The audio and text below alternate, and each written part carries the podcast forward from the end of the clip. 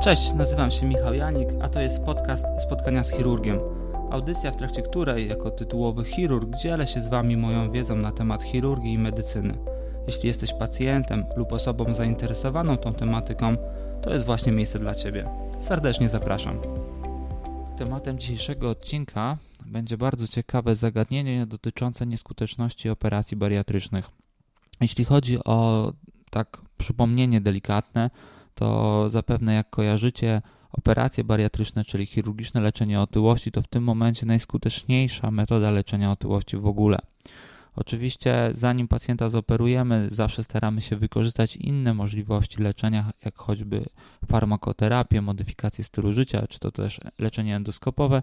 Natomiast tak naprawdę, jak sobie spojrzymy na te wszystkie dostępne terapie, to w zasadzie chirurgiczne leczenie otyłości daje szansę na najwyższą utratę masy ciała i w zasadzie daje również to, co jest bardzo istotne, realne szanse na to, żeby tą utratę masy ciała utrzymać w długim okresie.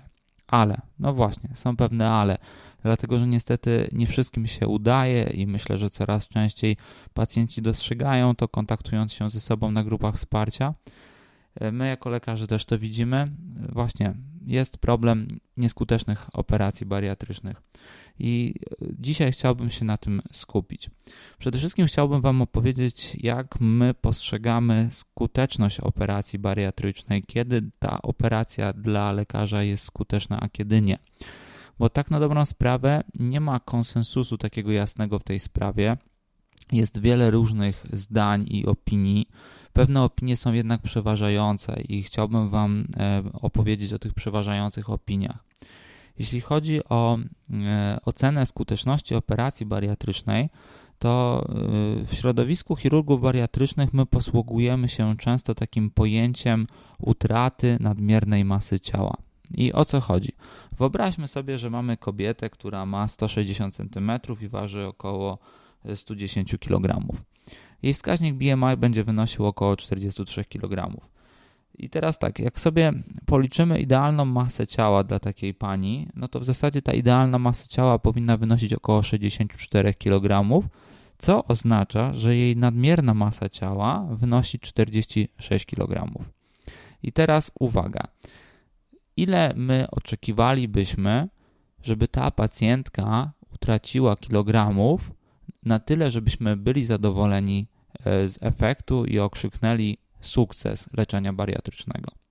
I w literaturze najczęściej spotkamy się z takim punktem odcięcia wynoszącym przynajmniej 50% nadmiernej masy ciała. To znaczy, że jeśli taka pacjentka ma 46 kg nadmiernych, no to tak na dobrą sprawę już utrata przynajmniej 23 kg będzie dla nas sukcesem bariatrycznym. Pozostaje oczywiście pytanie, czy dla pacjentki to jest sukces i pozostaje w zasadzie tylko i wyłącznie zapytać ją, jakie są jej oczekiwania przed, dlatego że czasami to, co dla nas będzie sukcesem, dla pacjenta nie zawsze tym sukcesem musi być. Natomiast mam nadzieję, że ten przykład dał Wam takie wyobrażenie, tak na dobrą sprawę, czego my oczekujemy od naszych pacjentów pod kątem rozpatrywania ewentualnie sukcesu operacji bariatrycznej. No właśnie, to wtedy, to, tak jakby w tym momencie wiemy, co to znaczy sukces ale problem polega na tym, że e, definicja tej nieskuteczności już jest troszeczkę bardziej e, skomplikowana. Oczywiście możemy założyć, że wszystko, co nie jest sukcesem, jest nieskutecznością, jednak nie jest to takie proste, ponieważ w literaturze, tak na dobrą sprawę, to funkcjonuje aż chyba około pięciu lub sześciu takich definicji nieskuteczności operacji bariatrycznych. Zaraz Wam o, o, tym opowiem. Natomiast chciałbym Wam jeszcze powiedzieć, co to w ogóle znaczy dla nas ta nieskuteczność operacji bariatrycznej, dlatego że są dwie takie sytuacje, kiedy mówimy o nieskuteczności operacji bariatrycznej. Pierwsza sytuacja to jest taka sytuacja, gdzie dochodzi do niewystarczającej utraty masy ciała, czyli przykładowo to nasza pani, która ma 160 cm wzrostu i waży 110 kg e, i jej nadmierna masa ciała wynosi 46 kg, oczekujemy, że straci przynajmniej 23 więcej, to niestety, ale w wyniku operacji traci na przykład tylko 16-15 kg. I w, z naszego punktu widzenia jako chirurgów, no, ta, masa, ta utrata masy ciała jest zdecydowanie niewystarczająca, czyli taką pacjentkę będziemy już klasyfikowali jako taką chorą, u której doszło do niewystarczającej utraty masy ciała. Jest jeszcze taka druga sytuacja, gdzie mówimy o nawrocie masy ciała po operacji bariatrycznej. Czyli taka sama pacjentka pierwotnie traci ponad 50% nadmiernej masy ciała, natomiast później nagle w wyniku jakichś zdarzeń dochodzi do powrotu tych kilogramów. I myślę, że to jest jedna z takich częściej spotykanych sytuacji w, praktyce i myślę, że w środowisku pacjentów bariatrycznych, że początkowo efekt po operacji jest fajny, nawet rewelacyjny, natomiast z czasem niestety gdzieś się rozmywa i pacjenci przybierają na masie ciała.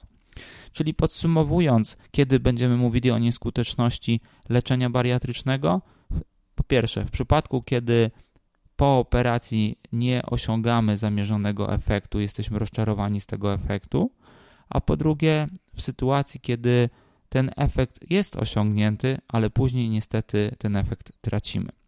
No i właśnie tutaj jest kwestia też takich pewnych definicji, które funkcjonują w literaturze. Tak jak Wam powiedziałem, tych definicji jest dosyć dużo. E, myślę, że te definicje będą bardziej istotne dla lekarzy, tak naprawdę, niż dla pacjentów.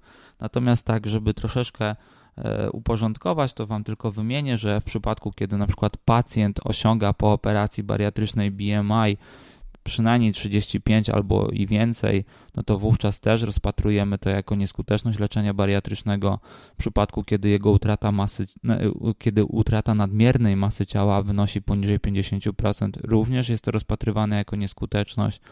W przypadku, kiedy pacjent po osiągnięciu minimalnej masy ciała przybiera więcej niż 10 kg, też uważamy, że w zasadzie odnieśliśmy porażkę.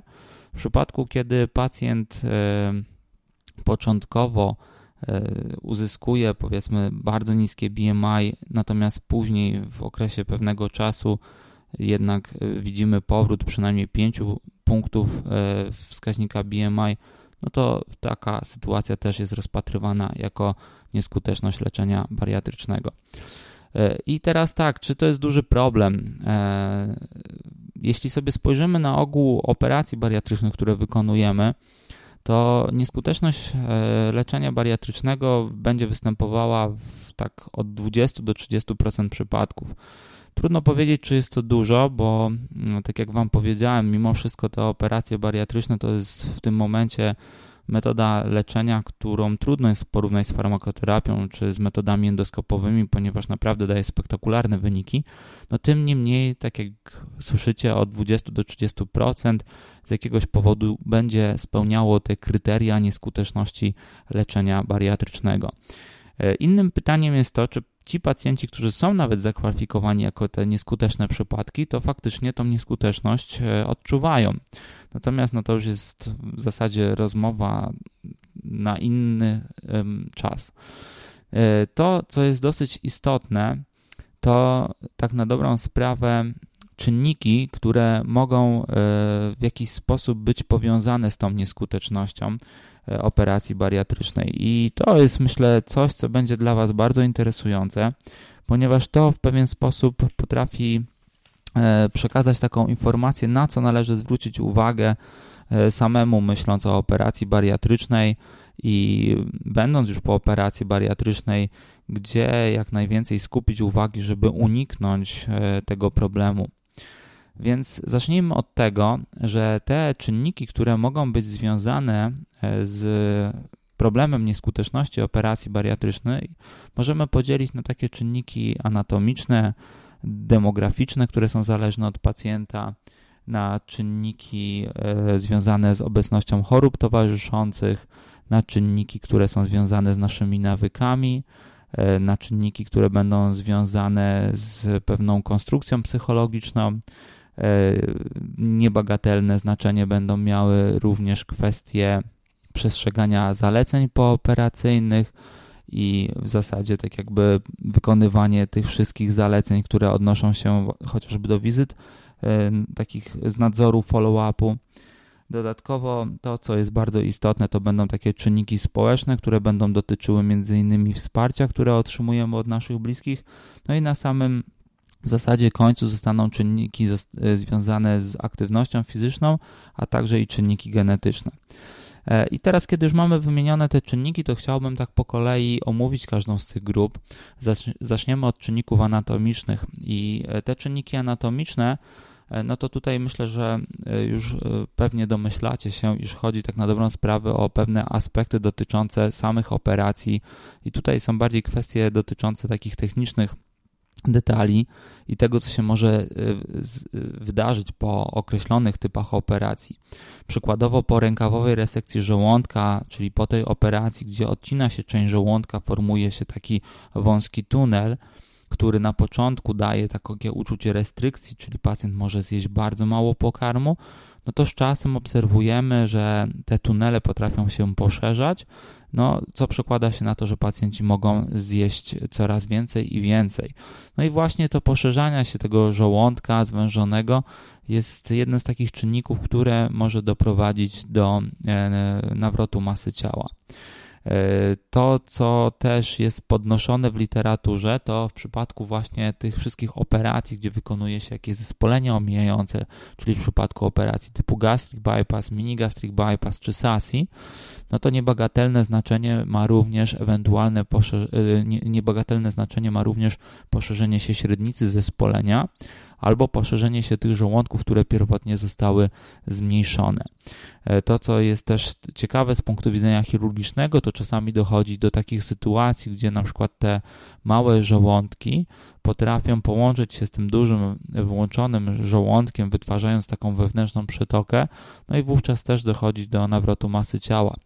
I to, co myślę, że wynika e, z tego, co Wam przedstawiłem, jest bardzo istotne, to to, że pacjenci po operacji bariatrycznej powinni pozostawać w kontakcie ze swoim chirurgiem i powinni zgłaszać się na te takie wizyty follow-upowe, chociażby z tego względu, że nawet w dłuższym okresie po operacji mogą wystąpić pewne problemy, które doprowadzą właśnie do nawrotu masy ciała, a mogą być bezpośrednio związane z pewnymi problemami anatomicznymi po operacji bariatrycznej.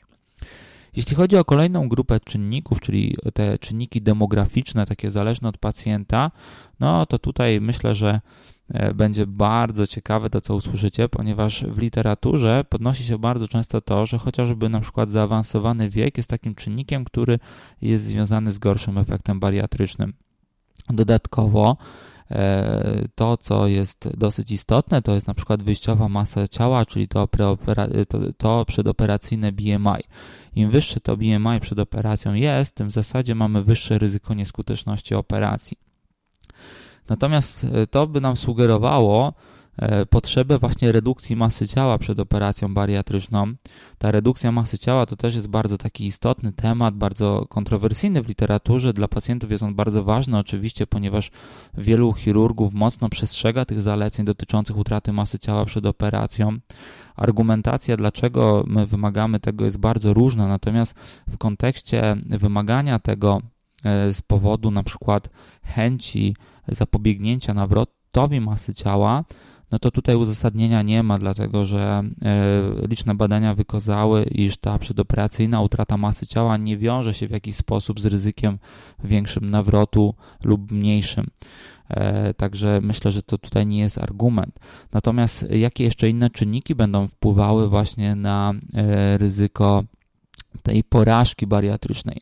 Tak jak już Wam mówiłem, zaawansowany wiek, ale także niska sytuacja, tak, tak jakby niski status ekonomiczny pacjenta, e, niski, niskie wykształcenie e, naszych chorych, praca, która jest związana z przemysłem, gdzie jest wykorzystywane jedzenie, czy to w przypadku pracy przy produkcji jedzenia, czy przy sprzedaży jedzenia, E, również jeśli e, osoby pracują w takim charakterze zmianowym, no to też jest coś, co jest czynnikiem ryzyka nawrotu masy ciała po operacji bariatrycznej lub jej nieskuteczności w ogóle.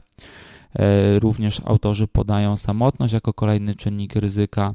Co ciekawe, dosyć takie sprzeczne są informacje w odniesieniu do płci, ponieważ w niektórych artykułach E, badacze pokazują, że na przykład kobiety osiągają gorsze wyniki, w innych artykułach pokazu pokazują, że to kobiety właśnie lepsze wyniki osiągają. Także tutaj w zasadzie patrząc na te takie najnowsze przeglądy literatury, trudno jest o jakiś taki jednoznaczny wniosek. I teraz dochodząc dalej do takich ciekawych rzeczy, no to kolejną tą trzecią grupą jest właśnie kwestia czynników, które są związane z występowaniem chorób towarzyszących. To, co należy wymienić, to to, że u pacjentów, którzy leczą się z powodu cukrzycy typu drugiego, z powodu nadciśnienia czy z, z, powodu hiperlipidemii, obserwowano niestety wyższe odsetki nawrotów e, masy ciała po operacji bariatrycznej, co oznacza, krótko mówiąc, że częściej występowała ta nieskuteczność leczenia bariatrycznego właśnie w takiej grupie chorych. Myślę, że bardzo ważną grupą jest ta grupa dotycząca nawyków żywieniowych. Jest to czwarta grupa, którą już Wam wymieniam. E, I no, jest to w zasadzie coś, co w wielu przeglądach literatury jest podkreślane jako jeden z takich wiodących czynników, najbardziej po, tak jakby powszechnych przyczyn nawrotów masy ciała po operacji bariatrycznej i ogólnej nieskuteczności leczenia bariatrycznego. I teraz tak, o jakich nawykach żywieniowych tutaj mowa w tych pracach, o których mówię. Więc tak, przede wszystkim e, występowanie podjadania, czyli nieplanowane jedzenie małych ilości pokarmu w takim długim czasie, e, objadanie się, e, utrata kontroli nad jedzeniem, jedzenie nocne, jedzenie emocjonalne, czy jedzenie ogólnie dużych porcji w krótkim okresie czasu. To wszystko to są takie nawyki, które niestety, ale będą doprowadzały do tego, że u pacjenta występuje wysokie ryzyko nawrotu masy ciała.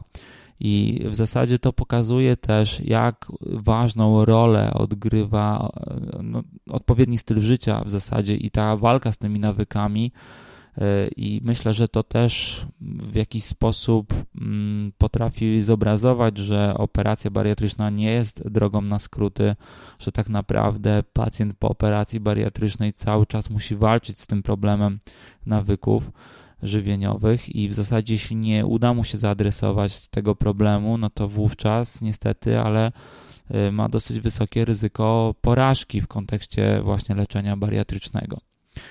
E, to, co również w literaturze e, jest wymieniane jako potencjalne czynniki, które są związane z niepowodzeniem e, leczenia bariatrycznego, no to są takie czynniki, które będą związane z naszym stanem psychologicznym I tutaj w licznych pracach stwierdzono, że u pacjentów, którzy mają zaburzenia lękowe, leczą się z powodu depresji lub z powodu uzależnienia, czy to od alkoholu, czy od innych substancji psychoaktywnych, no niestety też częściej obserwuje się nieskuteczność leczenia e, bariatrycznego.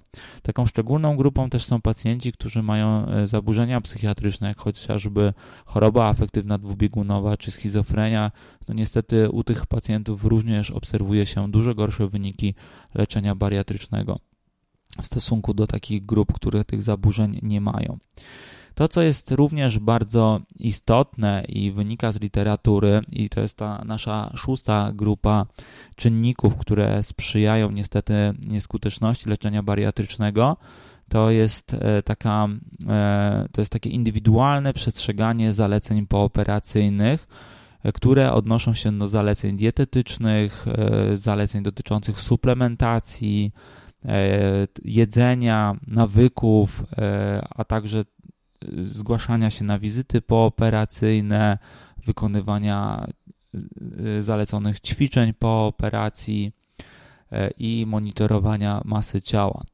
E, powstało kilka badań w ostatnim czasie, które pokazywały, że u tych pacjentów, u których e, ta, ta współpraca nie wygląda tak, jak my byśmy sobie tego życzyli, nie zgłaszają się oni na wizyty pooperacyjne, nie przestrzegają zaleceń, unikają później tej współpracy z dietetykiem, nie biorą suplementacji, e, zaniedbują tą sferę aktywności fizycznej, no niestety, ale znacznie częściej e, dochodzi do nawrotów masy ciała po operacji bariatrycznej. To, co chciałbym Wam jeszcze powiedzieć, no to będzie właśnie się odnosiło do takiego wsparcia, i to jest nasza już e, siódma grupa czynników, które e, wpływają na efekt operacji bariatrycznej, e, czyli to takie wsparcie rodziny, wsparcie przyjaciół. Jak okazuje się i literatura udowadnia to, odpowiedni poziom wsparcia naszego najbliższego środowiska ma niebagatelne znaczenie, jeśli chodzi o utrzymanie odpowiedniej utraty masy ciała w długoterminowym okresie. I tutaj również podkreśla się bardzo ważną rolę e, grup wsparcia. E, tych na szczęście w Polsce jest coraz więcej, są ogromne społeczności na Facebooku, e, które serdecznie pozdrawiam i te społeczności wykonują niesamowicie dobrą robotę, wspierając innych pacjentów. I jak pokazują badania naukowe, faktycznie odpowiednie środowisko, w którym się obracamy, ma duże znaczenie e, na koniec dnia, czy osiągniemy zamierzony efekt i utrzymamy go długoterminowo, czy niestety, ale no, będziemy mieli do czynienia z porażką. Przechodząc już w zasadzie do końca powoli naszego e, podcastu, chciałbym Wam wspomnieć jeszcze o takich dwóch e, grupach czynników, które wpływają na nieskuteczność leczenia bariatrycznego. Ta ósma grupa E, o której będę Wam mówił, będzie odnosiła się w zasadzie do aktywności fizycznej. Ja o tej aktywności fizycznej już troszeczkę mówiłem, e, mówiąc o tym, że pacjenci, którzy nie przestrzegają zaleceń pooperacyjnych dotyczących aktywności fizycznej, faktycznie osiągają gorsze rezultaty. No i w wielu artykułach właśnie e, jest ta informacja powielana i to jest potwierdzenie tego, że w przypadku pacjentów, którzy mają różne ograniczenia, które niestety sprawiają, że ta aktywność fizyczna no, będzie u nich gorsza, dlatego że na przykład są po różnych operacjach ortopedycznych albo mają różnego rodzaju stopnie niepełnosprawności, no te wyniki pooperacyjne w zakresie utraty masy ciała są gorsze, częściej obserwuje się właśnie tą nieskuteczność leczenia bariatrycznego. I ostatnią grupą, o której Wam chcę powiedzieć, dziewiątą grupą, którą już wymieniamy, e, to są e, tak naprawdę czynniki, które zależą już od naszego kodu genetycznego. To są takie czynniki, które w zasadzie ciężko jest nam, no, my nie jesteśmy ich w stanie zmodyfikować, natomiast jesteśmy w stanie wpłynąć na to, czy one się ujawnią, czy nie, i to już będzie zależało od naszego środowiska zewnętrznego. Natomiast faktycznie są pewne odmiany genów, które predysponują pacjentów do osiągnięcia lepszego lub gorszego efektu po operacji bariatrycznej. No i tutaj wyobrażam sobie, że idealną sytuacją byłoby, gdybyśmy mieli testy genetyczne, które pomagałyby nam dobrać odpowiednią operację bariatryczną dla danego pacjenta. Natomiast niestety na ten moment no to jest jeszcze science fiction, ale kto wie, może za parę lat. Tym niemniej chciałbym Wam troszeczkę podsumować całą tą moją wypowiedź dzisiaj i mam nadzieję, że e, przesłuchanie tego materiału dostarczy Wam troszeczkę takich istotnych informacji. E, jak widzicie, operacje bariatryczne są rewelacyjną metodą leczenia otyłości, dają spektakularne efekty i myślę, że wszyscy obserwując na przykład innych pacjentów na grupach pacjenckich, obserwujecie te niesamowite przemiany. Jednak pamiętajcie, że to nie jest droga na skróty. Tak naprawdę E, operacja bariatryczna jest tylko początkiem tej trudnej drogi w walce z otyłością.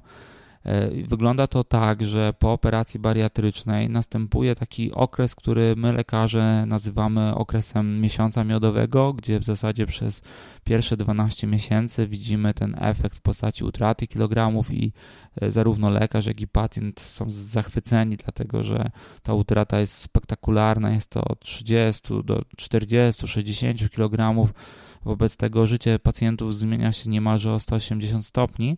Natomiast problem polega na tym, że po tym okresie miesiąca miodowego, który w zasadzie potrafi trwać od 12 aż do 18 miesięcy, nadchodzi taka rzeczywistość i e, to, ta rzeczywistość właśnie to jest ten moment, gdzie robi się już trudno i ciężko, dlatego że w zasadzie e, pierwotny entuzjazm przemija, efektów już tak nie widać, e, w zasadzie do tych osiągniętych efektów się przyzwyczajamy, a nasz organizm przyzwyczaja się do tego, co chirurg wykonał, wobec tego zaczyna się, zaczynają się procesy adaptacyjne i przykładowo żołądki pomniejszone zaczynają się poszerzać, metabolizm troszeczkę inaczej zaczyna funkcjonować, co w efekcie no, sprowadza się do tego, że niestety, ale po tym okresie zaczynamy obserwować właśnie problem nawrotu masy ciała u pacjentów po operacji bariatrycznej.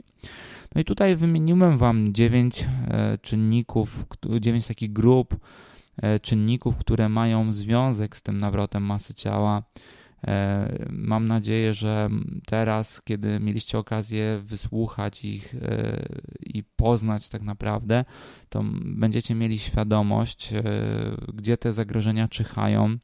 Tak, chcąc to podsumować, to chciałbym Wam tylko zwrócić uwagę na to, jak dużą rolę odgrywa modyfikacja stylu życia, czyli walka właśnie z tymi nawykami, o których Wam mówiłem, przestrzeganie zaleceń pooperacyjnych, zwłaszcza dotyczących diet, ale także i tego follow-upu zarówno u chirurga, dietetyka, a czasami i u psychologa.